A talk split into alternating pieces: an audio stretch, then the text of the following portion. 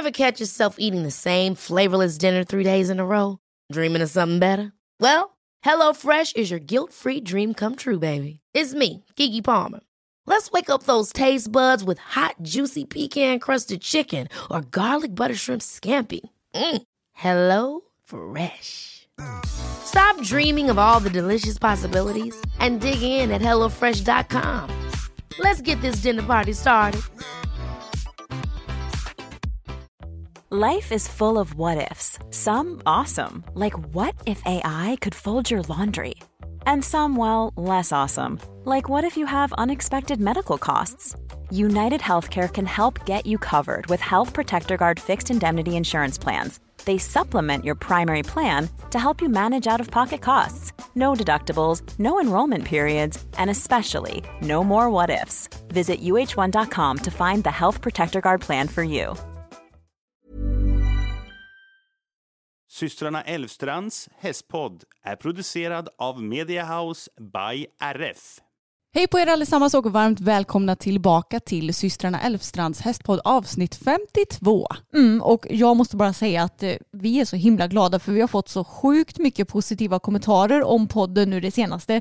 Och det märks att vi får fler och fler lyssnare och att så många håller på att lyssna ikapp de gamla avsnitten. Och det glädjer oss så mycket varje gång vi får kommentarer eller DM som att jag har aldrig varit en eh, poddlyssnare tidigare men jag har fastnat så mycket för er podd. Ja men alltså det värmer så mycket i våra hjärtan. Ja. Det, är, det är helt otroligt och det känns så roligt att vår lilla poddfamilj den växer. Det gör den verkligen och vi är så glada att få dela den här upplevelsen med alla er lyssnare. Ja men verkligen. Och ja, det känns bara så kul. Vi är så peppade på podd. Ja, verkligen. Det är en stor vad ska man säga, motivation nu vi har i vinterkylan. För du och jag, vi är ju lite omotiverade just nu i allmänheterna. Ja, alltså det är ju tråkigt att man ska behöva styras av väder, men du och jag är ju lite sådana. Vi är väldigt väderstyrda tror jag. Mm. Och ingen av oss är ju något vinterfan heller. Nej. Och det är väl det som är problemet att nu har vi ju fått den första riktiga vintern här på Slätta på ja, men flera år skulle jag säga. För vi brukar ju sällan ha kallare än typ fem minusgrader. Mm. Men nu har det slagit till här och blivit riktigt kallt och eh, då blir det genast lite motigare för oss. Jo, det är jobbigare, man behöver ha mer kläder på sig, det är jobbigare att pulsa i snön och alltså det blir ju lite jobbigare överlag. Men samtidigt så är det så här, ja, vi måste ju ta oss igenom vintern oavsett vi vill eller inte. Ja, och då tänker jag att då kommer vi att uppskatta våren och sommaren extra mycket sen när de väl kommer. Ja, det är det jag tänker också. Men det som jag tycker, alltså jag tror inte att jag hade tyckt att det varit så jobbigt överlag, men det som jag tycker är allra jobbigast är att vi kan inte variera träningen så som vi brukar göra. Nej, exakt. För det är väldigt, väldigt halt här. Och jag tror säkert inte att det är lika halt på exakt alla ställen i Sverige. Men problemet för oss också främst det är att vi måste rida 500 meter på en asfaltsväg för att komma ut till grusvägarna och till skogen. Och jag och Boppen vi gick ju typ omkull på asfalten för några dagar sedan. Mm. Och grejen är också så här att jag tror att de plogar men sen så lägger de inte på någon sand så det blir svinhalt alltså. Mm. Så jag sa till Emma, jag red först på Tage och så red Emma och Boppen bakom oss. Och så sa jag precis till Emma, det är lite halt här Emma. Och att tillägga sig också att våran, ja men inte granne men en som bor i närområdet här, han sa typ, vad var det han sa? Jo, det, jag kan ju ber- berätta hela historien. Ja, va? gör för det. det är ju livets ironi så det skriker om det. Ja. Då skulle ju vi faktiskt vara duktiga och rida ut en dag så vi tänkte att ja, men nu är det nog inte så där superduper halt ute för det hade kommit mer snö och när det har kommit lite så här mer nysnö så blir det ändå lite mer friktion på det hela liksom. Mm. Så då hade vi sadlat, gjort i ordning tag och boppen och skulle bege oss ut, skrittade lugnt och fint på asfalten och så möter vi vår granne inom stationstecken och han säger är det inte halt för hästarna att gå här? Eller så sa han är ni inte oroliga för att hästarna ska halka? Och då säger jag till honom Jo, lite oroliga är vi ju såklart, men det har gått bra hittills. Mm. Sen kommer ju då livets ironi. Helt seriöst, typ 10 sekunder senare, eller ens det, 5-10 sekunder senare, så han såg ju det här också då. Mm. Så märker Anna som rider första tag halkar till lite. Så då säger hon, det är lite halt där Emma. Och jag hann inte ens reagera så har Boppens, eh, jag vet inte om det var bakben eller framben, bara glidit iväg. Så han ligger på asfalten och sprattlar och försöker förgäves att ta sig upp. Men han ligger och sprattlar och när Boppen försöker alltså, ta sig ur en obekväm situation så låter han så här Han kan även låta så när han stönar till på ett hinder också. Ja precis, han stönar väldigt mycket. Boppen lät så och jag lät Ja, alltså, det var det mesigaste skrik jag hört i mitt liv tror jag. För Ja, det, men- var liksom, det var ljust och det var långt. Utdraget. Ja, men det var inte högt. Nej, jag vet, men det var ju för att jag, jag, vill inte, jag är inte som dig. Jag är inte så lika dra, drama queen som dig och måste skrika så himla högt, utan jag ville bara visa lite mitt missnöje till det hela så att säga. Mm. Och du bara, när, när Boppen är där, jag har tagit ett mantag för han är väl, ligger väl och kravlar mer med bakbenen tror jag. Alltså, på dig så låter det som att han ligger platt på marken. Det gör Ja, han inte, nej. utan han ligger på knä, Mm. på framknäna och så har bakbenen typ glidit lite Ja. under honom slash åt sidan. Typ. Ja, precis. Eh, Men jag, jag är ju fortfarande stabilt liksom i mitten på honom så jag hade inte halkat åt någon sida eller eh, liksom kanat bak utan jag har tagit ett stabilt mantag och känner ändå att jag stör liksom inte honom. Och när jag är där försöker hålla balansen bara vänta på att poppen ska komma upp igen då säger Anna hoppa av istället Emma och då tänkte jag ifall jag skulle hoppa försöka mig på att hoppa av där släppa stigbilen kasta mig åt sidan det hade nog varit en eh, större risk än att bara låta situationen lösa sig själv. Jo, men jag tänkte att om han inte kommer upp snart då måste du ju sitta av. Jo, Jo, det kanske jo. blir lättare för honom. Ja, men det är också det här som är problemet med vintern. Att jag rider ju med så här jättestora vinterkängor som egentligen inte är anpassade för ridning. För att jag inte ska förfrysa tårna av mig. Och eh, sen så har ju våra stigbyglar också lite taggar så man får ju väldigt bra stöd i Ja. dem. Så det är inte så lätt att liksom ta sig ur den situationen heller och bara kasta sig av. Nej, det är sant. Det har jag inte ens tänkt på att det kan vara ett problem. Nej. Man kanske skulle byta stigbyglar bara när man rider ut på vinter typ. Ja, men eh, kanske. Sen är ju de stigbyglarna vi rider med bra för det är ju fortfarande säkerhetsstigbyglar. Men det är ju snarare om man skulle ramla av och bli släpad kanske som det som man kommer ur den situationen liksom. Mm. Men jag upplever inte att det är svårt att släppa stigbyglarna när man har vanliga stövlar på sig. Nej, inte jag heller. Men mina stövlar som jag rider med nu, det är ju typ gummistövlar. Mm. Så de eh, taggarna sätter sig väldigt gött i dem De gör väl det. kan man säga. Men eh, situationen löste ju sig bra i alla fall. Men fy fasen vad läskigt det var. Ja, Men det är ju skitäckligt innan man vet hur det kommer att gå. Ja, Och det är just det här som gör mig så jävla omotiverad. Att vi kan inte rida ut som vanligt. Vi älskar att rida ut i skogen och typ galoppera på i full fräs ute på grusvägarna. Men det kan vi inte göra. Vi har typ ingen bra åker i närheten som vi kan rida på. nej. Hagarna, ja, de funkar väl men då är ju det lite frusna skitar här och var som man inte ser som hästarna snubblar på. Ja, och vi har inte tillräckligt mycket snö heller. Nej, och paddocken funkar ju fint men vi kan ju inte rida i paddocken hela tiden heller känns det som. Nej, exakt. Men ja, det får väl bli så en liten period nu tills det hela blivit bättre. Ja. Men på tal om Boppen, jag blir också så nojad så fort något sånt här händer att han ska skada sig, Mm. att han ska ha sträckt sig. För herregud, gubben är ju 24 år gammal nu. En sån här situation är inte jättebra att det händer honom. Liksom. Men sen hopptränade vi dagen därpå och då var han superduper fin så det verkar inte som om det hade gjort honom något direkt. Men vi måste ju också prata om den lite traumatiska situationen för Tage och Boppen då efter att Boppen hade halkat. För det här blev ju inte någon utritt som eh, vi ska liksom ha med oss i bagaget egentligen. Nej, nej, den kan vi glömma. Mm. Nej, men vi skulle rida ut på våra grusvägar och vi hade tagit oss hela asfalten ner utan något större bekymmer då, förutom Emmas lilla... Utan, halv- ja, ja, utan något mer bekymmer snarare. precis. Mm. Så rider vi ut på grusvägen och grejen är att om vi ska rida vår vanligaste runda som vi rider, då rider vi förbi en eh, travargård. De har som en travbana runt hela sin gård eller så. Och de brukar inte träna sig jätteofta, men det händer ju någon gång då och då. Mm. Och då var de såklart ute och gjorde det den här dagen. Och av någon anledning så var hästarna extra spända för den här hästen. För att de brukar normalt sett vara lite spända för den, men inte så här. Men nu var det som att de hade sett det läskigaste de sett i hela sitt liv. Ja, och normalt sett brukar vi också kunna liksom trava förbi där när den här hästen är på typ andra sidan av travbanan. Mm.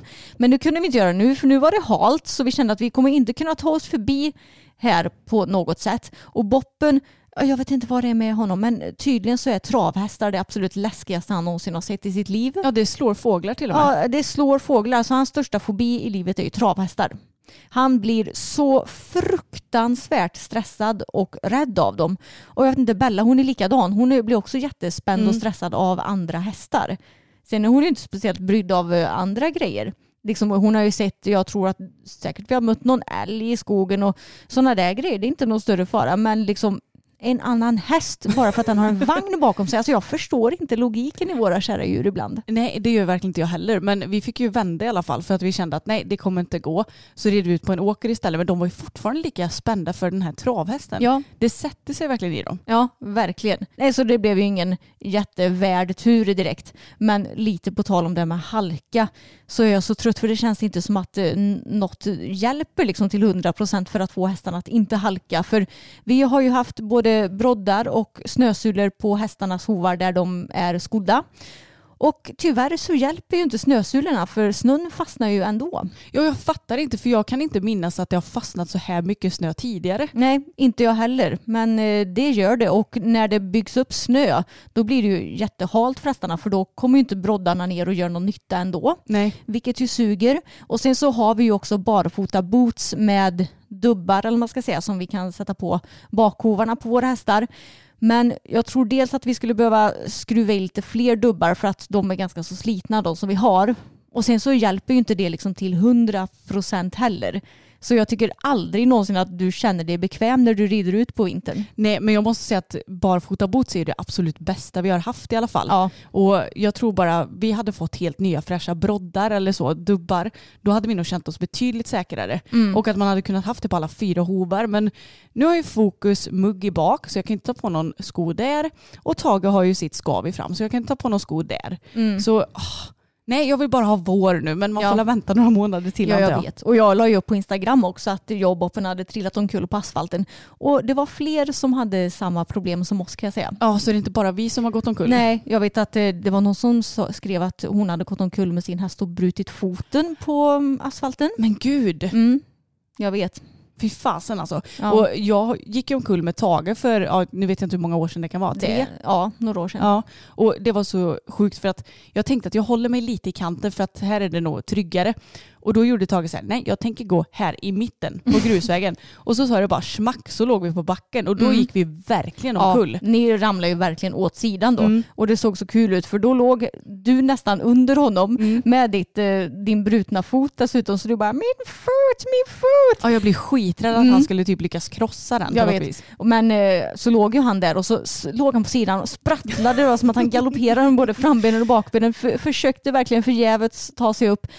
Till slut så lyckades han ju. Ja. Och eh, ni klarade er oskadda. Men alltså den här isen och halkan, det kan inte vi bara få vår nu? Vi borde skaffa en stor hårfön och föna bort all snö.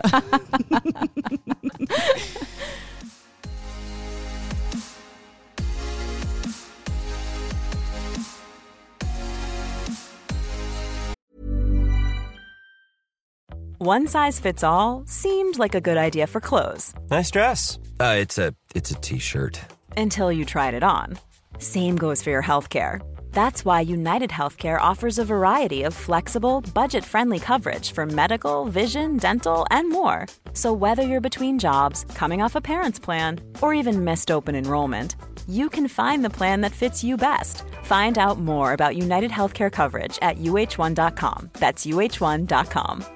Quality sleep is essential. That's why the Sleep Number Smart Bed is designed for your ever evolving sleep needs. Need a bed that's firmer or softer on either side? Helps you sleep at a comfortable temperature? Sleep Number Smart Beds let you individualize your comfort so you sleep better together. JD Power ranks Sleep Number number 1 in customer satisfaction with mattresses purchased in-store. And now, save 50% on the Sleep Number limited edition Smart Bed for a limited time. For JD Power 2023 award information, visit jdpower.com/awards. Only at a Sleep Number store or sleepnumber.com.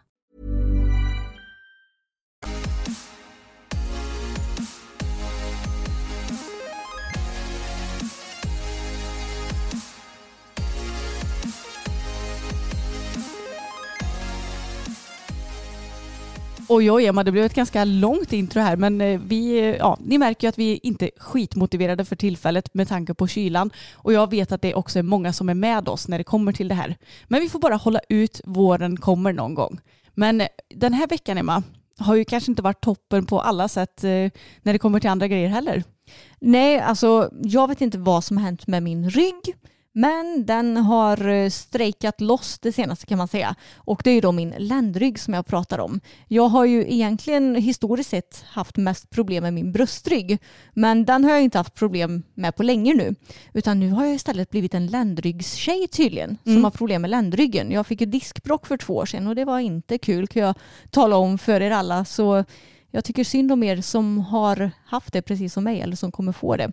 Men eh, nu det senaste så har jag haft skitont i ländryggen och jag vet inte var det kommer ifrån för jag har liksom inte varit med om något traumatiskt med kroppen och liksom jag har en bra livsstil nu och jag vet om att när jag har fått ont i ländryggen tidigare så har det hjälpt att stretcha ut höftböjaren och köra yoga mot eh, ja, men lower back pain. Men det har jag gjort i liksom över en vecka nu och stretchat ut höftböjaren och jag känner inte att den är speciellt tight liksom. Men det släpper inte. Och jag har så fruktansvärt ont. Och det är värst på morgonen. Blir bättre efter att jag har tränat avsuttet. Men värre typ när jag är ute i stallet och grejer och när jag rider. Så är det känns lite hopplöst faktiskt med min stackars kropp. Ja, du får la ge det ett litet tag till men om det inte blir bättre får du nästan söka för det alltså. Ja, men problemet är ju bara att då vet jag om att de kommer säga att ja, men då kan vi boka in en tid till en sjukgymnast. Ja, jag vet. Men de kan ju inte hjälpa mig någonting. Nej. För de, eh, ja, jag vet inte, de sjukgymnasterna jag har gått hos har inte haft kompetens till att hjälpa mig med några problem jag har haft i alla fall. Nej. Utan jag har ju fått ta hjälp av ja, men YouTube nu och senast när jag har haft problem med ländryggen. Men eh, det verkar ju inte hjälpa nu heller. Men ni som lyssnar kanske har eh, några supertips när det kommer till problem med ländryggen och hur ni har, vad ska man säga, behandlat det själva. Ja, i så fall kan ni väl kommentera vårt senaste Instagram-inlägg för vi brukar ju alltid lägga upp ett Instagram-inlägg Ja, i samband med podden som släpps. Men eh, jag eh, har också lite ont i min kropp. Och eh, det är inte bara något som kommit hux flux utan jag lyckades nämligen trilla av på hoppträningen i onsdags. för första gången på över ett år. Ja, och det här med, jag måste bara nämna innan vi går in på min avramling, att det känns lite som att det är lite prestige för oss som har ridit ett tag. Att man ska ramla av så sällan som möjligt och att, eh, ja, men, att man håller sig kvar på hästryggen till varje pris. Det är liksom lite, lite tufft och lite det man ska göra. Men jag måste bara nämna att jag tycker inte att det är något fel i att åka av. Alla gör vi det någon gång ibland. Ibland av någon anledning som hästen får stå för och ibland någon anledning för att ryttaren har gjort något klantigt. Och Ja. det sistnämnda gjorde jag i onsdags. kan man säga. Ja, Och det var så roligt för att vi hade hoppat fram lite grann. Jag hade liksom en känsla i kroppen hela dagen att det är inte en toppendag idag. Så det gjorde mig liksom inte så förvånad att jag skulle åka av. nej. Men så skulle vi komma, vi värmde upp lite grann och skulle komma på en fristående oxer. Och första gången jag tänkte vända upp på den här så var ryttaren, vi red ju lite halvt i ström eller vad man ska Mm. säga. Och ryttaren innan mig stannade sin häst in i kortsidan så jag kunde liksom inte komma utan att typ rida på henne så fick jag rida förbi. Nästa gång jag skulle komma an så insåg jag att gud jag är ganska nära Emma och Boppen här i bak. Mm. Så blev jag lite så här, ah, ska jag rida förbi? Och sen bara, nej men jag tar och hoppar ändå. Så jag styr in liksom de två sista sprången typ Ja. mot oxen. Och Tage bara, men va? Ska jag hoppa? Så han bara tvärnitar. Och jag åker av i ganska sakta mak och Mm. råkar dra honom i munnen. Ja men herregud, du kan ju inte hjälpa vad som händer när du flyger Nej jag av. vet, men det är ändå lite, så här, lite jobbigt. Och det gick ändå bra avramling. Jag kände inte så mycket. Det, jag landade ändå bra på typ slutet av ryggen eller vad man ska säga och Mm. ingen arm var under och ni vet ju hur det kan vara. Utan det gick ändå bra landningen så jag bara, ja men gött. Så jag satt upp igen och sen kom tårarna. sen, sen kom det waterfall. Nej men då kände jag bara att alla minnen med Tage, ni som har följt oss väldigt länge vet ju att jag har varit så himla himla hopprädd på grund av den hästen. Det har ju du med Emma. Mm. För att det har varit så otroligt många gånger som han har kommit helt perfekt på ett hinder. Han har fullkomligt tvärnitat och kastat sig åt sidan som han åkt av otaliga gånger. Mm. Och nu var, alltså jag visste ju att det här var 100% mitt fel. Eh, Han hade ingenting med det här att, att göra utan det var bara mitt fel. Men ändå så är det som att de här gamla minnena bubblar upp inom en. Mm. Så jag kände att gud vad det här bara slog mig rakt i ansiktet på något sätt. Jo, men det är också fascinerande hur hjärnan funkar på så vis. Jag vet. Att det har liksom gått hur bra som helst för dig och tagit nu det senaste men så fort det liksom händer, det händer en sån situation som har hänt tidigare så kommer alla minnen tillbaka, Mm. de gamla. Och det var inte så att jag kände mig, jag kände mig inte rädd överhuvudtaget. Jag kände så här, ja ramlar jag av igen, vad, vad, vad spelar det för roll? Det, är ju, det gick ju hur bra som helst att åka av så det var inte det som var Mm. problemet.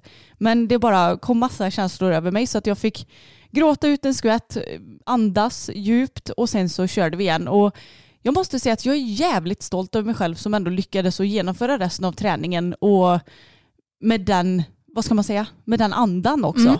Vi köttade ju på som tusan. Ja men jag tyckte att det gick svinbra för er och du red verkligen jättebra. Och Tage han var ju på lite eh, crazy humör. Han var ju extremt pigg och eh, blev lite springig och då kan jag tänka mig att det blir svårare för dig att få till den här bra ridningen som du ändå har haft nu de senaste hoppträningarna. Ja, för jag vill ju ändå kunna rida upp ett stöd i handen och Mm. ett stöd för skänken eller vad man ska säga. Men nu kändes det som att han mest sprang på och tog inte riktigt mina halvhalter. Och när han väl tog halvhalterna så blev det mer att han bara alltså, blev studsigare nästan. Alltså han Mm. blev inte studsig men ni förstår kanske vad jag menar. Att han blev mer springig bara. Ja Och, precis. Det var inte helt enkelt men eh, jag är ändå väldigt nöjd med vad vi lyckades åstadkomma efter den dåliga starten. Ja och det är så kul för när Tage har fått upp farten då jäklar galopperar ju han på. Mm. Och eh, du har ju alltid varit så här nojig att nej, men han är så liten, han får, han får inte plats på distanserna eller att han är liksom för liten för distanserna. Men så var det en linje vi skulle rida på som det egentligen skulle vara sex språng på. Där fick ni fem språng när vi red bana så jag tror inte att du behöver oroa dig över det något mer. Nej, jag får, jag får ta och släppa det där och jag måste också släppa lite det här med att det måste vara perfekt för nu vet jag ju att Tage är ju så himla mycket tryggare och jag rider ju såklart mycket bättre nu än vad jag gjorde för 10-12 år sedan. Ja, Så jag måste släppa lite den här perfektionismen också. ja. Och jag det- känner att det, det är mycket bättre på fokus Mm. än vad det är på Tage. Men det, det är jäkligt svårt när man har haft ett eh, traumatisk bakgrund med sin häst. Det var så kul för övrigt på träningen för Sten han sa det, men du behöver inte vara perfekt hela tiden Anna och då svarade du, jo det måste ju vara annars så flyger jag ju av. Och då skrattade jag jättemycket. Men sen så var det också många gånger på träningen som ni inte kom perfekt på hindren också om han hoppade jättefint. Ja. Så det beror ju helt på liksom galoppen och din inställning. Och anledningen till att han stannade på den också det var ju för att du kom in och red snett på den. Precis. Och det funkar inte riktigt med Tage. Nej, och framförallt inte om jag inte har ställt mig in på. Alltså hade det varit en Mm. omhoppning och vi hade kommit och eh, hoppat några hinder innan hade det inte varit några problem Mm. att rida snett på ett hinder. Men nu var det så här, jag bara, oj, vi hoppar ändå. Min hjärna var ju på väg förbi hindret. Ja. Det är klart som tusan att han stannar då. Ja. Jag var ju inte på väg över hindret, jag var ju på väg, på väg förbi. Ja, Så han fattade ju inte. nej precis. Och sen så fick ni ju något mer stopp på det hindret. Det var väl för att det satt i din skalle säkert. Ja. Men sen så fort ni kom över det hindret så var det ju inga problem överhuvudtaget med resten av hindren och banan. Nej, så det kändes faktiskt väldigt bra. Och eh, det roliga var att vi hoppade ju typ den längsta banan vi hoppat någonsin för sten också. Ja. Var det 13 språng sa du? Nej det var Nej. 13 hinder 13 men det hinder, blev ja. väl 15 språng tror jag för det var ju kombination med två gånger. Just det. Ja, så jag först så var jag så här, men gud jag kommer inte orka hoppa hela den här banan. Så jag till Sten, han bara, Mm. ja men kör så långt som du pallar då typ. Och jag bara, ja men du får säga vilka hinder det är för jag, jag kommer inte komma ihåg det här. Och det roliga var att jag fick ju först stanna en gång för att Tage var så superhetsig. Och sen missade jag ett hinder så jag fick lägga volt. Men alltså han var så fin och så Mm. framme och det kändes inte som några som helst problem och det kändes inte som att vi hade stannat i början av träningen. Nej, verkligen. Och Boppen var också svinfin på träningen.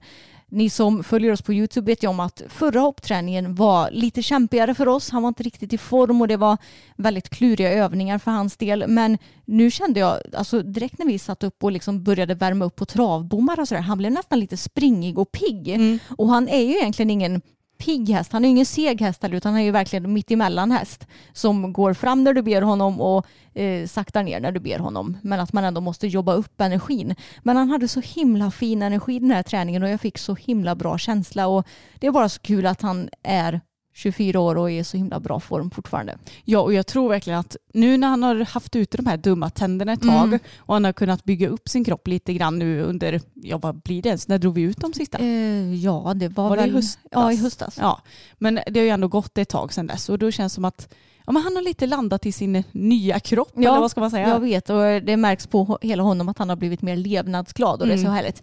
Men på tal om din avramning Anna, du, din kropp mår inte heller så superbra nu. Nej, det var ju det jag skulle komma fram Mm. till efter allt det här köttet. Nej, men det, jag är så förvånad för att jag tyckte verkligen att det var världens mest odramatiska avramling. Men ändå så Idag så har jag skitont i min högra vadmuskel. Alltså det är som att jag har den sjukaste träningsverken ni kan tänka er i Mm. vadmuskeln. Jag har ont i mina benhinnor också. Jag Mm. vet inte om det beror på avsittningen eller om det var ja, någon träning som jag har gjort. Och sen så min rygg är inte frack heller. Och framförallt när jag går så ilar det liksom till på vänstersidan av ryggen, på ländryggen typ. Så att Nej, jag eh, har mått bättre kan man säga. Jag känner mig stel och um och jag vet när jag red, för jag, vi vill ju alltid rida hästarna dagen efter en träning också. Mm. Så vi joggade Tage och Boppen lite i paddocken dagen efter. Och då kände jag liksom att när jag satt i sadel, jag kunde inte riktigt krumma ryggen så som jag brukar vilja sitta utan jag Nej. fick nästan svanka för att när jag red lätt så stötarna kom liksom i ländryggen och typ nästan svanskotan.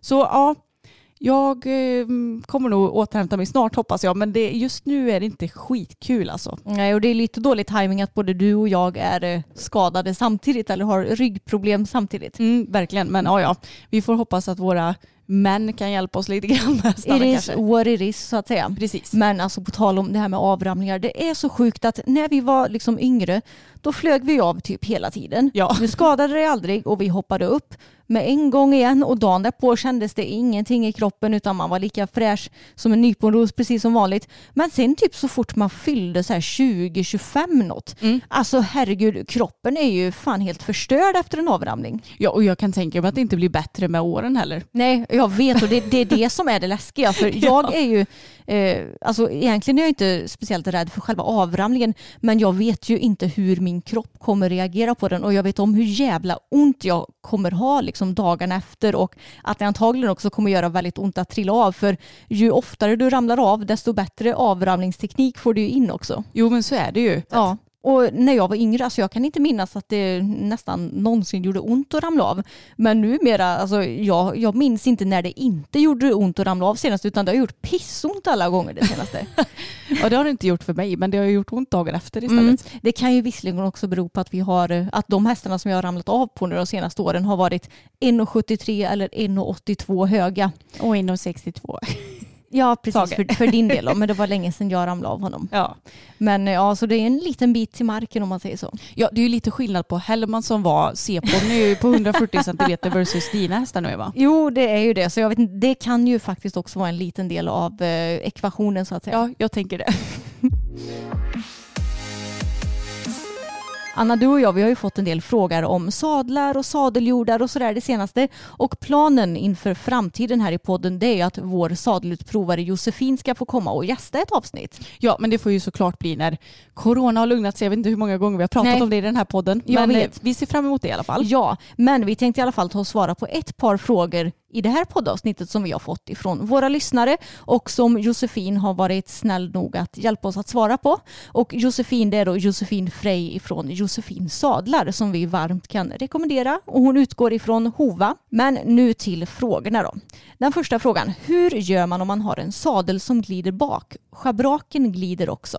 Då har Josefin svarat så här. Om en sadel glider bak så kan det bero på att hästen har gått ner i vikt och sadeln har blivit för vid. Man kan ha fel sadeljord till sadeln och man kan också ha fel bomform på sadeln.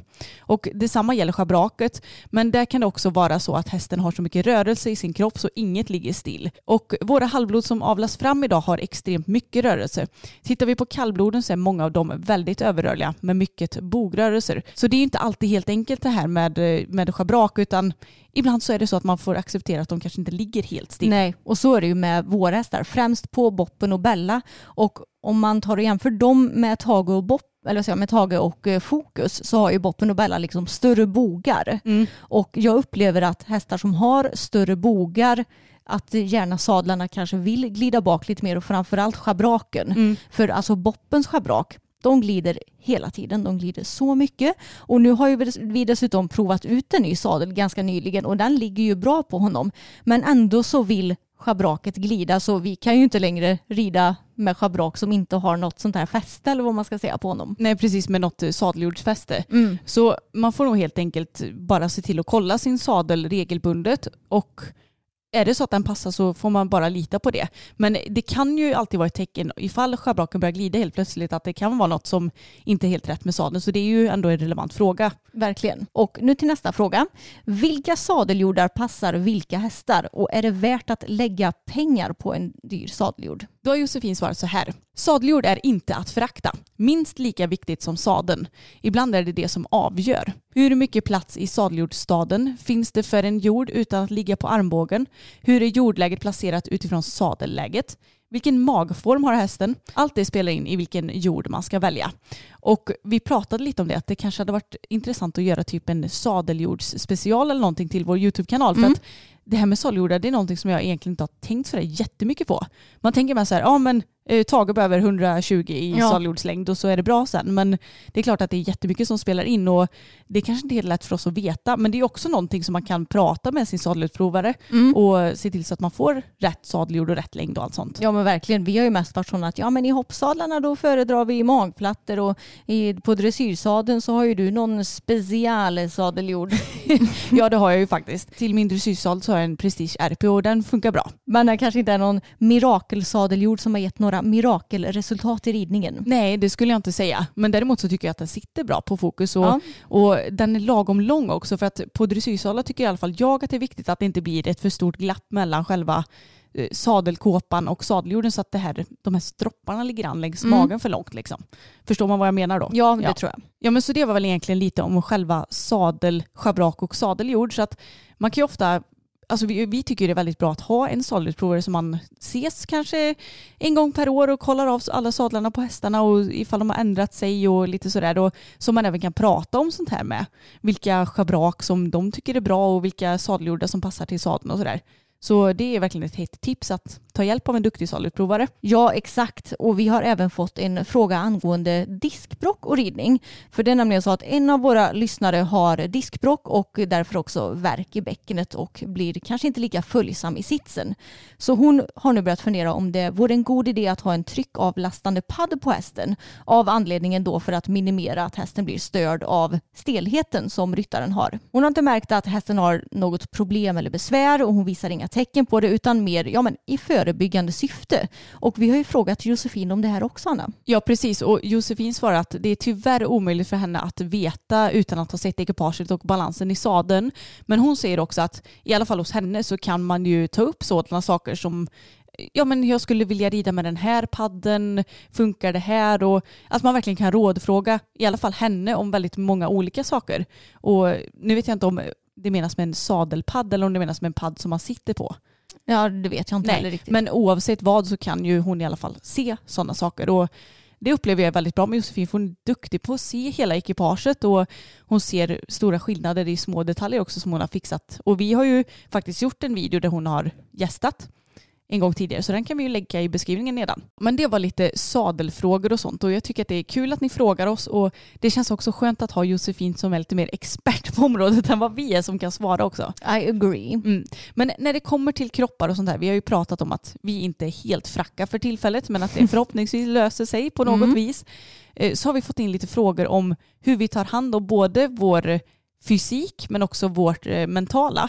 Och eh, ja, men hur vi tränar kanske lite mer och vi har ju pratat många gånger om att vi går till en naprapat och ja, men hur vi tar hand om våra kroppar. Och den här personen undrar också vad som är skillnad mellan till exempel en kiropraktor och en naprapat. Och det finns ju säkert många olika, typ osteopat finns väl också. Ja, Ja, men vi har ju gått hos en kiropraktor och en naprapat tidigare så att jag tänkte att jag skulle ta och prata lite mer om dessa två. ja, det blir intressant för jag vet faktiskt inte ens skillnaden mellan dem. Nej, det, då blir det lite intressant för dig här Mm, också. nu Och, ska jag ta och jämföra också med eh, våra erfarenheter som vi ja, har. det får du göra. Och jag har såklart googlat för det är inte så att jag kan allt i huvudet. Så jag hittade information på naprapatlandslaget.se. Hoppas jag att det är en säker källa. Och om vi först och främst ska ta lite likheter mellan, ja, jag har tagit kiropraktor, naprapat och fysioterapeut, alltså sjukgymnast då. Men det heter ju fysioterapeut sen ett gäng år tillbaka. Och likheten mellan alla dessa tre är att de jobbar med människor som har smärta eller andra hinder för ett fungerande muskel och ledsystem. Och eh, alla de här jobbar också i huvudsak utan mediciner och liknande utan använder händer och vissa hjälpmedel för att påverka läkningen hos ja, kunden, vad ska man kalla det, kund, patient. Ja, patient kan Ja. man väl egentligen säga. Ja. Och när det kommer till en naprapat då så behandlar den oftast med dessa behandlingstekniker. Ledjustering, mobilisering, triggerpunktsbehandling, muskelakupunktur samt hjälp med rehabövningar. Och mobilisera är ju att man gör rörlig. En kiropraktor jobbar precis som naprapaten med ledjusteringar samt har kompetens på mjukdelsbehandling. Så denna kan ju fokusera kanske lite mer på muskulaturen också. Och en fysioterapeut hjälper dig med undersökning, rehabilitering och använder olika tekniker för mobilisering av mjukdelar. Mhm. Så där har vi de tre olika. Så man kan egentligen säga att en naprapat och en kiropraktor är ganska lika men en kiropraktor kan jobba lite mer med det muskulära. Ja, precis. Det var så jag läste det också. Mm. Och eh, om jag får ta och tänka lite på mina erfarenheter, för vi har väl gått hos två olika naprapater genom åren Mm. och en kiropraktor va? Yes. Och eh, ja, nu får jag tänka här. För vår nuvarande naprapat, det han gör, det är ju att han, ja men han gör ju ledjusteringar Mm. eh, och eh, knäcker Mm. bland annat. Och använder olika verktyg för att justera lederna. Men det är väl egentligen det han gör på oss va?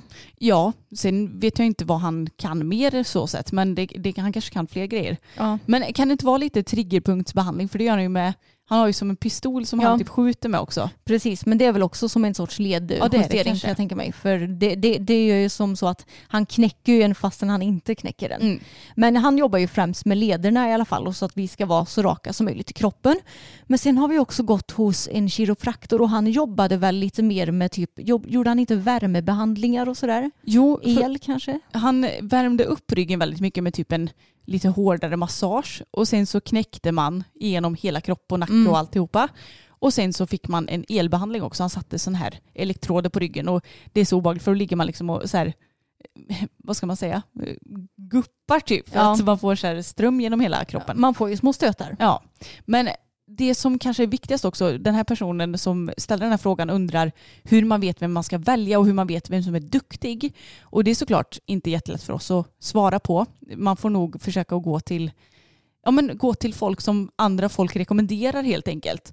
För eh, jag vet inte om det finns certifikat och sånt där. Jag, jag är inte så superinsatt. Jo men det finns det. Ja det finns det säkert. Men det som kanske är allra viktigast är väl att gå till en person som inte alltså, brottas för mycket med dig. Nej. För det är det som är största skillnaden mellan den kiropraktorn vi har gått hos och den naprapaten vi har nu. För den kiropraktorn vi gick hos, han knäckte ju loss typ överallt. Knäckte och bände och drog in och knäckte loss hela nacken så det bara drrrt i hela ryggen och alltihopa. Och man kände sig väldigt fri och lös i kroppen när man gick därifrån. Men ens problem kom ju tillbaka väldigt, väldigt, väldigt fort också. Mm, precis. Medan vår nuvarande naprapat, han jobbar mycket mer långsiktigt känns det som. Mm. Och känner även in dig som person. Jag till exempel är ju väldigt rädd för att knäckas och tycker att det är jätteobehagligt.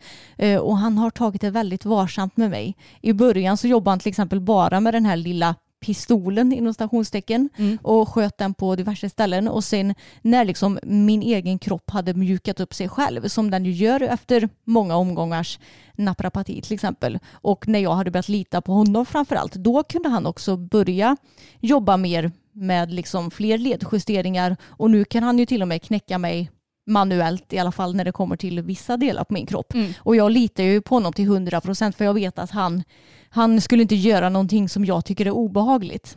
Ja, och det är ju kanske det allra viktigaste och det kanske tar ett tag innan man bygger upp en tillit och vissa har ju inte alls problem med att knäcka. Jag eh, är ju inte lika brydd i det liksom. Nej, Men, eh, nej, men det är nog det viktigaste att, att man inte går till en person som bara knäcker loss hela, hela kroppen och så är det bra sen. Nej. Utan att hitta någon som verkligen tittar på vad du har för problem. Ja, och se på det långsiktigt. För som sagt, om du gör för stora justeringar med en gång, säg att din kropp är jätteskev och det är liksom bara pang, pang, pang, pang, pang, att man gör massa saker med en gång, då kommer ju kroppen att gå tillbaks mycket snabbare till det här dåliga läget för att det blir för stor omställning för kroppen.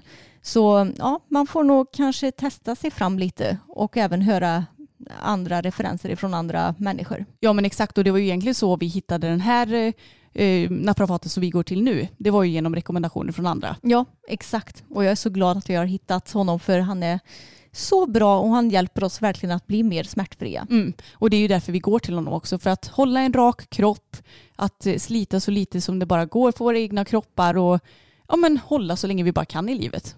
Och det vet jag att det behöver ju egentligen varenda person göra kanske. Också. Verkligen. Det är inte bara vi med smärta som behöver gå till en, en naprapat. För man kan ju också göra det i förebyggande syfte. Precis, och framförallt vi ryttare så att vi inte för över någon skevhet till våra hästar också. Men när vi ändå är inne och pratar om kroppar Emma, så kanske vi bara ska nämna lite hur vi brukar träna och hur vi tar hand om vår kropp i övrigt. Mm. Men eh, om eh, vi ska dra det lite snabbt då så brukar jag eh, träna avsuttet sex dagar i veckan och då är fyra av de dagarna ren styrketräning, två pass ben och två pass överkropp. Och då på överkroppspassen så kör jag mest rygg, axlar och bål.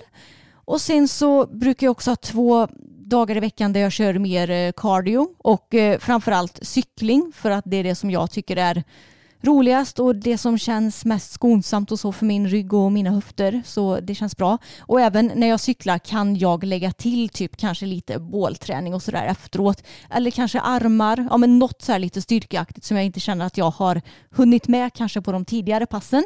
Och sen utöver det så försöker jag också att köra yoga, ja, gärna fem dagar i veckan. Mm.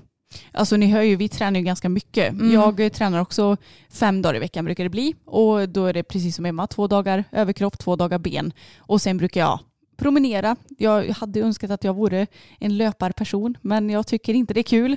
Så jag eh, undviker att springa helt enkelt.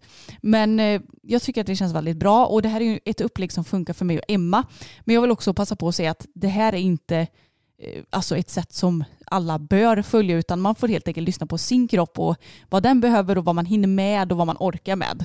Det är väldigt viktigt att lyssna på sin egen kropp. Och dessutom så försöker jag också köra, jag vet inte om jag ska kalla det för yoga, men stretch i alla fall. Eh, varje kväll försöker jag göra.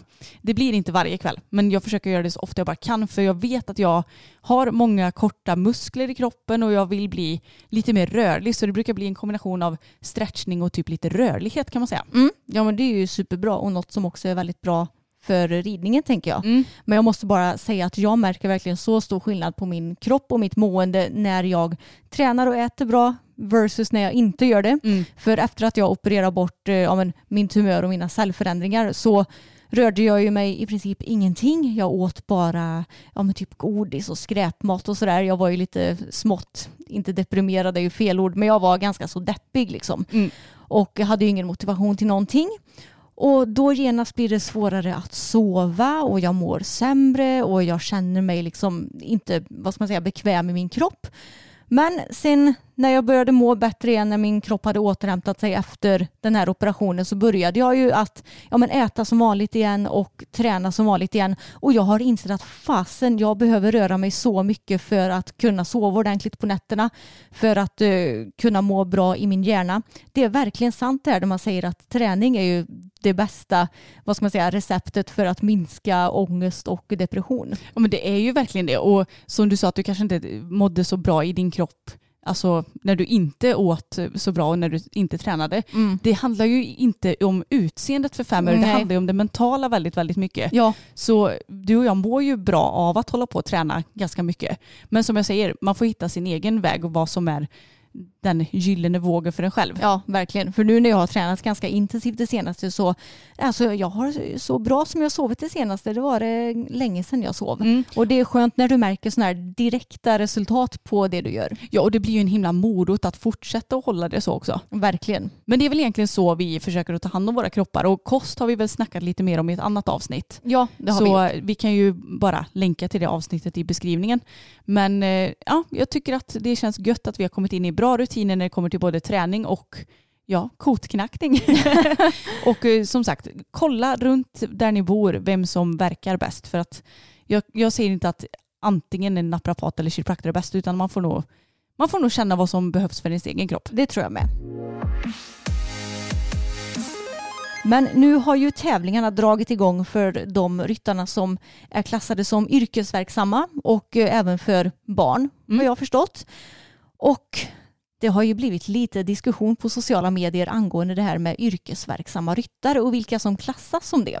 Ja, och det här var väl ändå ganska väntat. Ja. Jag tänker att oavsett hur Svenska Ridsportförbundet hade gjort så hade det blivit diskussioner. Ja, precis. För de har ju gjort som så nu att både de som är vad ska man säga, elitklassade, de har ju blivit klassade så de ska få tävla. Och sen har man också kunnat registrera sig som yrkesverksam. Och för att vara det så ska ditt företag vara registrerad med en viss SNI-kod. Och SNI-kod, det kan man ju kort sammanfatta det som att det är en beskrivning av vad företaget jobbar med. Precis, så det kan ju, ja men skulle jag ha ett eh, företag med ICA så är ju det typ mathandel. Ja, Ja, precis. Bara, bara kort och gott. Ja, och då var det, jag tror det var tre SNI-koder som var liksom godkända för att tävla med hästar. Och sen så även om du är anställd i ett företag som har med det här att göra så kan du ju bli yrkesverksam i och med den anställningen. Men den här situationen har ju också lett till att många har kunnat registrera sig som yrkesverksamma som egentligen verkligen inte jobbar med hästar utan som kan registrera sig som yrkesverksamma och sen bara tävla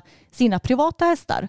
Och det, har ju, det är ju det som själva diskussionen grundas i. Att det är ju inte de som lever på hästeriet och tävlandet som är yrkesverksamma utan att lite vem som helst nästan har kunnat registrera sig. Ja, och jag kan verkligen förstå att vissa blir irriterade för att det blir ju, även fast de har sina regler för vilka som får tävla och de har de här tre SNI-koderna som gäller, så alltså hur ska de göra då? Jag menar de måste ju ha ett system och nu när de har satt det här systemet i system, då, då är det ju vad det är lite grann. Ja, exakt. Och det innebär ju att säkert, jag kan tänka mig att kanske 10, max 20 procent av alla som registrerar sig egentligen kanske eh, liksom egentligen lever på själva tävlandet. Mm.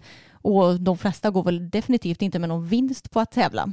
Nej, Men eh, ja, alltså vad, vad ska de göra? De kan ju inte gå igenom exakt varje Eh, ansökan heller utan jag antar att de bara går igenom och tittar om det stämmer med SNI-koderna och att de godkänner sin. Annars hade det tagit hur lång tid som helst för dem att läsa igenom och godkänna allt. Ja, precis. Och det här är ju en extremt speciell situation som antagligen om det här nu går åt rätt håll med corona och allt sånt, att det kommer ju säkerligen inte att uppstå igen. Så att kan man inte ha lite överseende om att det faktiskt är så här nu? Ja, exakt. Men jag måste också tillägga att jag tycker absolut inte att det är ett rätt beslut av Ridsportförbundet. Nej. Utan jag tycker ju att antingen ska ingen få tävla eller så ska alla få tävla. Ja, så Det- tycker jag också. Det här blir ju väldigt elitistiskt liksom. Ja. Och de, Ridsportförbundet kan ju inte liksom påstå att ridsporten är till för alla när den uppenbarligen inte är det.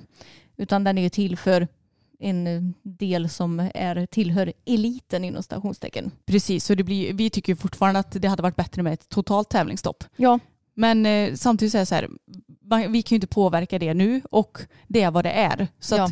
jag tycker att, ja jag vet inte, jag, jag tycker bara att det blir lite löjligt när man ska typ kasta skit på de som får lov att tävla. ja. men eh, ja, jag står i alla fall fast vid att jag tycker att det, det borde vara liksom landslagen som får tävla och då är det väl främst internationella tävlingar då antar jag. Typ A, B, C-trupperna i respektive liksom landslag. För det, de är ju egentligen de enda som verkligen lever på tävlandet känns det som. Mm. De eh, ryttarna som tävlar liksom regionalt, nationellt i Sverige, de tjänar ju inga större pengar på att tävla. Snarare går de säkert back när man väl tävlar med tanke på alla kostnader det innebär. Och jag menar alla branscher har ju ändå fått anpassa sig till den här pandemin. Restaurangbranschen har ju fått eh, liksom jobba mer med take away till exempel.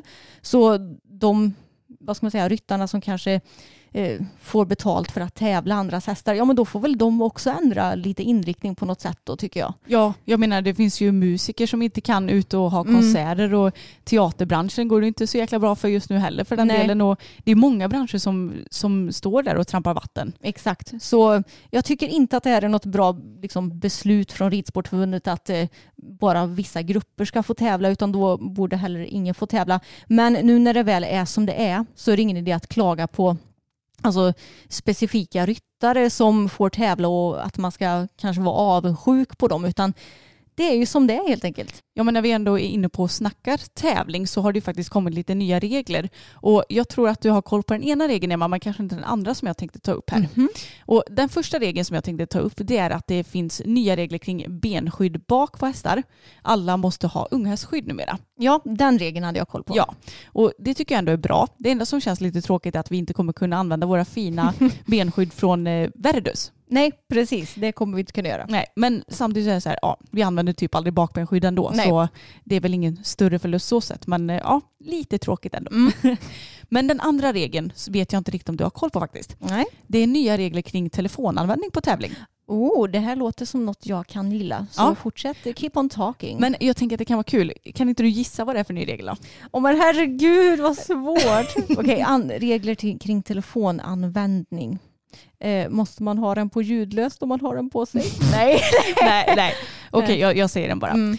Numera så måste man stå still om man använder sin telefon. Ah, Mm. vad bra. Ja, jag tycker det är bra. Mm. Jag tycker inte det att det är fulltalig regel kanske. Nej. Men nu kan man ändå inte åtminstone skritta runt och hålla på och scrolla Nej. Instagram. Ja, Typ. fy fan det är så irriterande med de ryttarna som Jag gör det. vet. Och det sker på varje tävling och många också som gör det. Mm. Och jag kan bli så förvånad över att det ändå sker, där vi, vi tävlar ju ändå inte några höga klasser, Mm. att det sker på lokal och regional nivå. Jag, ja, jag vet inte. Jag tycker bara det är konstigt. Ja, men det är ju bra för då kan ifall du behöver skicka iväg ett sms till din medhjälpare eller vem det nu än kan vara, då kan du ju göra det om du står still. Men jag tror det kommer ta bort den här eh, passiva scrollningen eller vad man ska säga som gör att du blir ouppmärksam på de andra och som kan liksom ja, men framföra farliga situationer. Ja, jag hoppas i alla fall att det kommer att bli så. Ja, och att överdomarna är hårda på det här med. Ja, för det, ja, det känns som att det, det är ju ändå en värdregel att vara lite tuff med. För att jag tror att visst, det kanske har hänt massa olyckor i samband med det här, men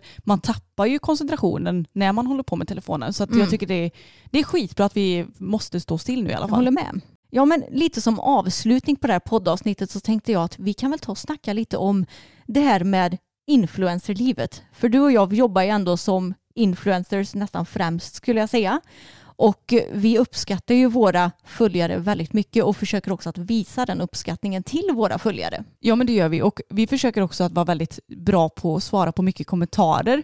Både när det kommer till YouTube-videor, när det kommer till våra Instagram-inlägg och ja, nu har vi inte något mer socialt media. Jag tänkte säga bloggen också men det, det, det finns ju inte längre. Nej, precis. Nej. Men vi försöker ändå vara ihärdiga med att svara på kommentarer oavsett om det är någon fråga eller om det är något Ja men någon bara påstående så försöker vi ändå vara duktiga på att svara. Ja men precis och det är klart att vi hinner ju inte svara på exakt alla kommentarer. Men jag skulle ändå säga att vi svarar nog på minst hälften av de kommentarerna som vi får på säkert både YouTube och Instagram. Och på YouTube till exempel om vi kanske inte känner att vi hinner svara på alla kommentarer så brukar vi i alla fall klicka i ett sånt här hjärta eller vad man Mm. ska säga så att man ser att vi har sett kommentaren och att vi uppskattar kommentaren. För jag är övertygad om att de som följer oss uppskattar när vi visar att vi har läst det som de har skrivit. Ja, jag hoppas det i alla fall. Men det enda som jag känner är väldigt svårt att hinna med det är att svara på DMs på Instagram. För vi får in väldigt, väldigt många varje dag och det är ju såklart jättetråkigt att inte hinna svara på dem. Men samtidigt så tänker jag att det väger upp lite att man ändå hinner med att svara alla kommentarer nästan i Instagramflödet istället. Så jag förstår att alla kanske inte vill skriva ut exakt vad det är de tänker och tycker och så i en kommentar. Nej. Men jag tänker även att då har vi ändå den kommunikationen där. Ja, och jag vet också att eh, ja, men vissa kunder som vi har jobbat med har också berömt oss för att vi just svarar på kommentarer. För jag Mm. menar, det måste ju vara mycket bättre för en kund, och nu menar jag då ett företag, att köpa annonsplats hos en influencer som de faktiskt vet är liksom, ja, vad ska man säga, vänliga och eh, Aktiva. aktiva och lägger tid på sina följare och svarar på deras frågor. För tänk om du eh, ska göra, säg reklam för en produkt och sen så ställer dina följare frågor i det inlägget och sen så får de ändå inga svar. Mm. Eller att influencern bara svarar på kommentarer angående den produkten, då blir inte det genuint heller. Nej, precis. För då, då blir det så här, ja men det är så uppenbart att den här reklamen ska sälja. Men du kan inte svara på vilket bett du använder. Typ. Nej, annars så bryr du dig inte om att svara på någonting. Liksom. Mm. Och vi lägger ju ändå upp väldigt mycket, både YouTube-filmer och eh, vi lägger ändå upp ganska mycket på Instagram tycker jag. Och vi tar ju oss ändå den tiden att svara på kommentarerna och det är ju främst för att vi vill visa uppskattningen till våra följare för de lägger ju tiden på att kommentera och gilla och göra allting så det är klart som tusen att vi också ska lägga tid på dem. Precis, och jag tänker att det är väl också det som ingår i det här jobbet, att vi ska Mm. vara interaktiva med våra följare. Ja, exakt. Och av den anledningen kan jag bli så konfundersam på andra influencers så absolut inte bara inom hästbranschen utan egentligen inom alla branscher. Att det känns som att det finns så många som påstår att de jobbar heltid med sociala medier men som i princip aldrig svarar på några kommentarer varken på Instagram eller YouTube. Och jag känner att vad, vad gör du med dina dagar? Precis. Ja, jag tycker det är så himla vanligt, kanske snarare, kanske inte bara i hästbranschen utan Nej. snarare i den vanliga influencervärlden. Mm. Alltså, Kom, kom, går man in på vilken blond tjej som helst som har ett eh, stort Instagram-konto, det svar, då svarar ju kanske på de här som skriver Oh my god, så snygg och tack gumman. Mm. Den med du då? Alltså det är typ de enda de eh, svara på. Ja men de svarar ju på typ andra stora influencers Ja. eller folk som de känner. Och då är det också så här, ja okej du jobbar bara med sociala medier för att du vill tjäna pengar på det och för det kommersiella. Men du gör det inte för dina följares skull eller för att du vill interagera med dem liksom. Nej, man får ju i alla fall den uppfattningen. Ja, exakt. Nej, jag vet inte, jag tycker att det är tråkigt och respektlöst med de här influencerna som aldrig svarar på någonting. Mm. Herregud, lägg lite tid på det. Så om du påstår att du jobbar heltid med sociala medier men lägger upp en YouTube-film i månaden och ett Instagram-inlägg eh, ett par dagar i veckan, alltså då har du tid på att svara på grejer. Ja, och jag fattar att man inte hinner svara på allt. Nej. För det kan man inte. Men åtminstone försöka att svara på så mycket man bara kan. Mm. Jag måste säga att jag blir väldigt imponerad av vissa influencers. De svarar ju på alla kommentarer. Mm. Ja, det är ju helt galet Mm, hur de det, hinner med det. det är väldigt imponerande men det visar ju också att de verkligen lägger tid på sina sociala medier och att de faktiskt läser det som följarna skriver. Precis, och sen så har vi ju nämnt i någon tidigare poddavsnitt vet jag, att vi är väldigt tacksamma över de som tar sig tiden att skriva kommentarer, eller de som svarar på kommentarer som till exempel kommer med så här, hur höga är det hästar i Mankud? Och så kanske någon som har följt oss länge vet det och svarar på den här kommentaren. För det underlättar ju såklart när vi får in mycket frågor som kommer typ hela tiden. Det är ju klart att det blir ju lite trögt till slut att svara på samma kommentar hela tiden. Ja, precis. Så alltså vi uppskattar våra följare så mycket. Ja, De, är bäst. ja, det blir mycket kroppssnack i dagens avsnitt men jag tyckte att det blev väldigt roligt ändå. Ja men det tycker jag med och får köta av oss en hel del och jag har eh, fortfarande två ämnen kvar i mobilen som jag har skrivit upp som vi ska prata om i nästa avsnitt. Alltså det kommer upp ämnen hela tiden som ni har tipsat om och, eh, eller som jag själv har kommit på. Det, det känns som att här, en, en timme i veckan det är egentligen nästan för lite för att snacka av sig på. Ja, jag har också några grejer som jag skrivit upp. Så att eh, ja, vi hade nog kunnat göra ett två timmars avsnitt den här gången men Ja. vi ska ta och avsluta nu tänker jag. Ja, Men tack så mycket för att ni har lyssnat på dagens avsnitt och glöm inte att prenumerera på podden om ni gillar den, vilket jag hoppas att ni gör om ni lyssnar ända hit. och glöm inte bort att prenumerera på vår YouTube-kanal också som heter Systrarna Älvstrand. Yes. Ha det gött så hörs vi igen nästa vecka. Det gör vi. Hej då! Hej då!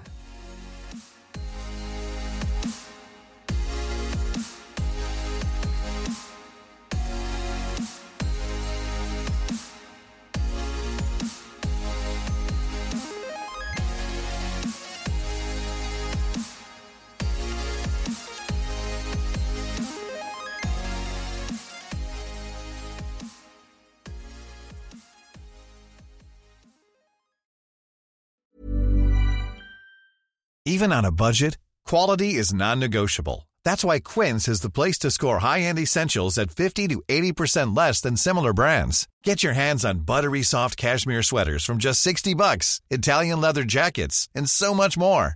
And the best part about Quince, they exclusively partner with factories committed to safe, ethical, and responsible manufacturing. Elevate your style without the elevated price tag with Quince. Go to quince.com slash upgrade for free shipping and 365-day returns. Ever catch yourself eating the same flavorless dinner three days in a row? Dreaming of something better? Well, HelloFresh is your guilt-free dream come true, baby. It's me, Kiki Palmer. Let's wake up those taste buds with hot, juicy pecan-crusted chicken or garlic butter shrimp scampi. Mm. Hello Fresh. Stop dreaming of all the delicious possibilities and dig in at HelloFresh.com. Let's get this dinner party started.